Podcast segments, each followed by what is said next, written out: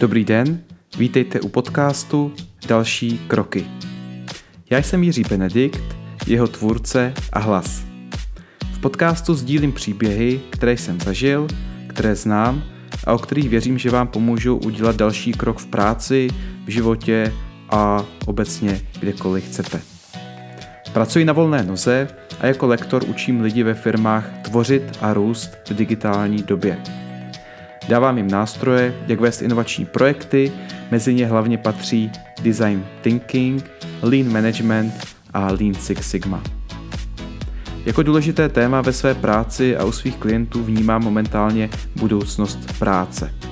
Hodně se toho bude měnit a první e, změny už kolem sebe vidíme. O budoucnosti práce budu mluvit dnes v tomto díle, respektive o jedné z jejich tváří, a to o globálně úspěšných firmách, které mají stovky zaměstnanců, ale žádné kanceláře. A otázka je, jestli budeme nakonec všichni zaměstnanci v obýváku. Pojďme si o tom říct více. Když se zeptáte lidí, kde udělají svou nejlepší práci, málo kdo vám řekne, že v kanceláři.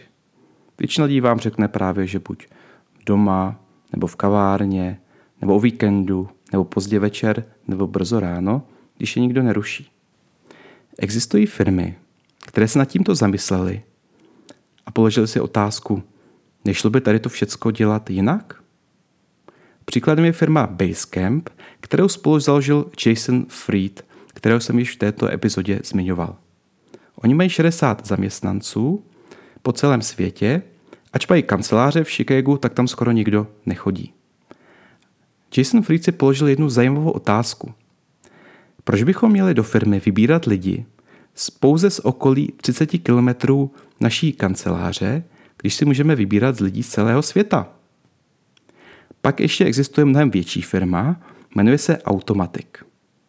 Možná vám to jméno nic neříká, ale oni stojí za vývojem platformy WordPress, což je takový redakční systém, který v současnosti stojí zhruba za třetinou veškerého světového internetu.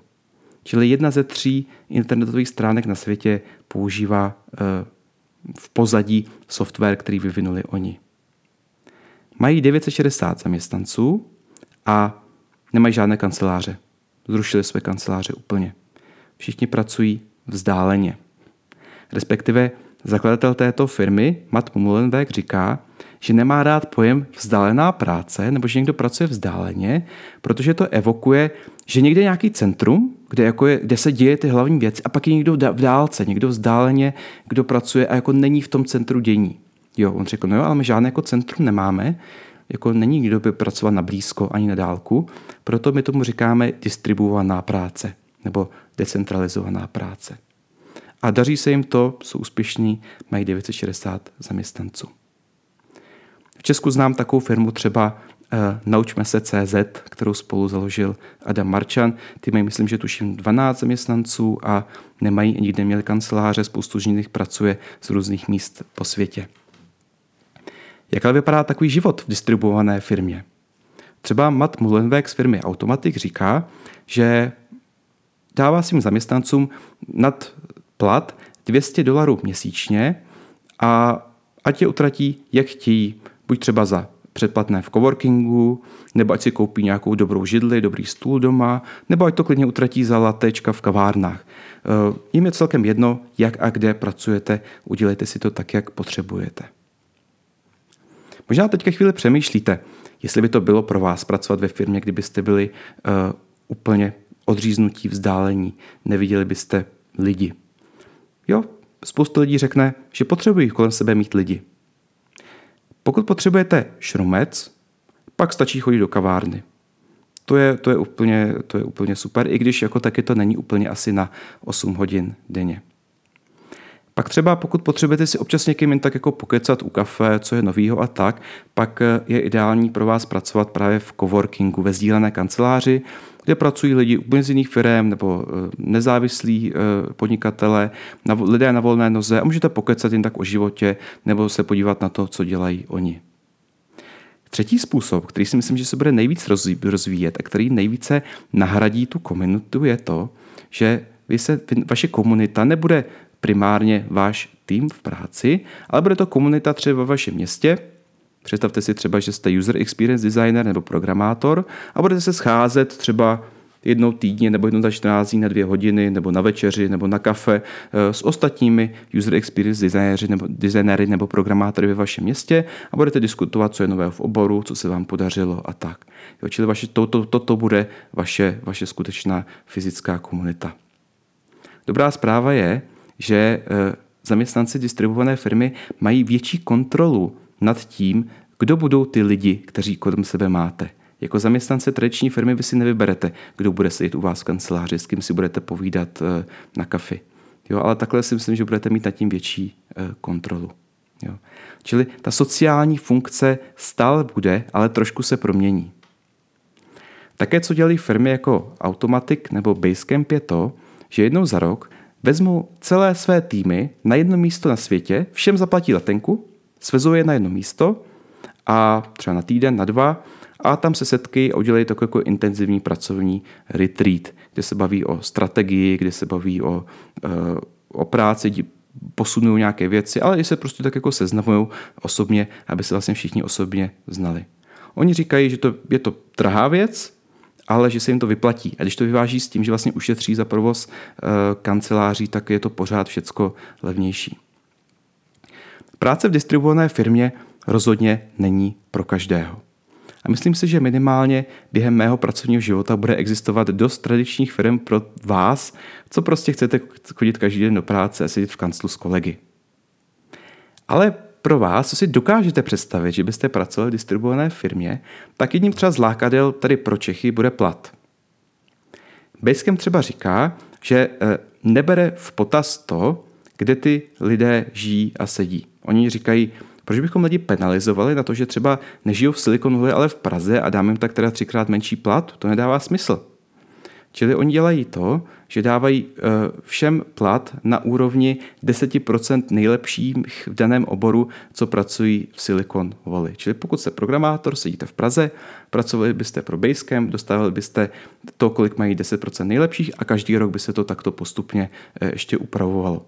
Čili oni odbourali i jakékoliv platové vyjednávání s argumentem, že to lidem akorát žere, žere čas.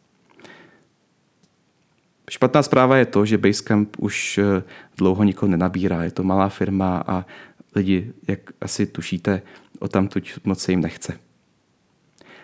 Distribuované firmy, říkáte si, to není pro mě, nebo nejsou pro každého. Oni ale nepotřebují být pro každého. Stačí zaměstnat ty typy lidí, kteří jsou schopní, ochotní a budou v tom rádi pracovat. Matt Mullenweg říká, že za 10 let 90% top firm budou mít distribuované zaměstnance nebo budou nahrazeny těmi, kteří to mají. U nás v České republice třeba funguje hodně center sdílených služeb. My jsme dobrá value for money jako Česko. Jsme spolehliví, jsme takový jako strukturovaný, trošku máme toho německého myšlení, umíme dobře jazyky, umíme dobře počítat a tak jako, ale jsme pořád jako hodně, hodně levní. Jo. Takže proto existuje spoustu firm, tuším, že 180 tisíc eh, lidí v Česku pracuje v těchto centrech sdílených služeb a eh, hodně lidí jsem, hodně firm ze zahraničí jsem přesídlilo třeba kompletní své finance a podobně, jo, protože proto je to pro ně ideální eh, lokace. Tohle to bude ale v ohrožení. My budeme v ohrožení. Jo, protože pravděpodobně může vzniknout nějaká distribuovaná firma, která nabere chytrý lidi z celého světa, nebude mít všechny ty náklady na kanceláře a, a provoz a přijde za, za tím velkým hráčem e, globálním a řekne, milý, milá firmo, my bychom ti děli, chtěli dělat finance, máme tady tisíc lidí, kteří to umí, jsou to nejlepší lidi na světě, sice sedí tak jako po různu, ale my jsme schopni pracovat i takhle vzdáleně. Jo.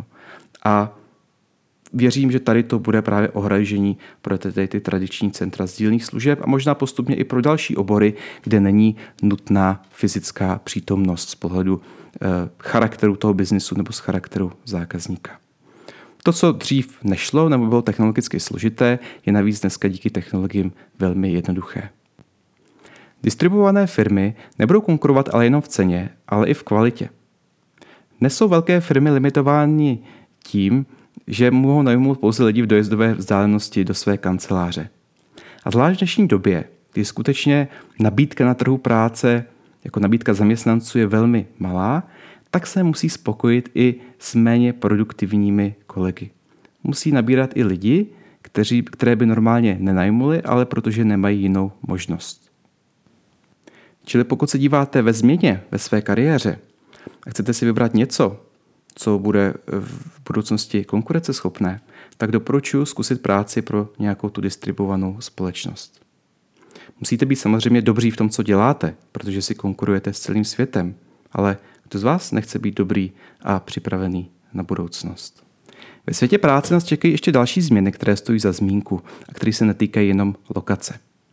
Například americký server Upwork udělal analýzu a říká, že v USA bude do roku 2027 více lidí samostatně výdělečně činných než zaměstnanců. Zajímavý trend. Určitě si myslím, že to bude tažené jednak firmama, který budou chtít mít větší flexibilitu a budou chtít najímat eh, lidi nejen jako full-time zaměstnance, ale i jako nezávislé kontraktory. Ale také si myslím, že hlavně to bude tlačeno těmi samotnými zaměstnancemi. Že mileniálové budou méně a méně chtít pracovat jako zaměstnanci, ale budou chtít pracovat jako na projektech, jako freelancři, nezávisle, možná na e, více věcech zároveň. Dneska to je tak, že lidé vnímají zaměstnání jako 100% vašich příjmů a pak zbytek jsou jako koníčky, že je to také jasně černobíle rozdělené. Odborníci říkají, že v budoucnu to bude tak méně a už je to často vidět na mladší generaci. Jo. Spoustu lidí může o sobě říct, že je programátor, lomeno fotograf, lomeno spisovatel, lomeno podnikatel. Často vidíte takovéhle popisky u, eh, u lidí. Eh, někdo to pojmenoval vtipně, říká tomu lomítková generace, neboli slash generation. Čili to jsou té generace lidí, kteří už nebudou se identifikovat s jedním velkým full-time zaměstnáním a pak nějakým koníčka, koníčkama, ale že ty věci budou splývat a možná budou pracovat na projektech a spoustu, eh, spoustu věcí, eh, spoustu věcech zároveň. Svět, ve kterém pracujeme, se mění. A my můžeme čekat, co se stane, nebo tomu trošku pomoct a můžete si navrhnout život eh, tak, jak chcete a tím směrem, který se budou ty trendy ubírat. Já vám hlavně přeju, ať se vám to podaří a jste v práci šťastný. Jsem Jiří Benedikt a nashledanou u příštího dílu podcastu Další kroky.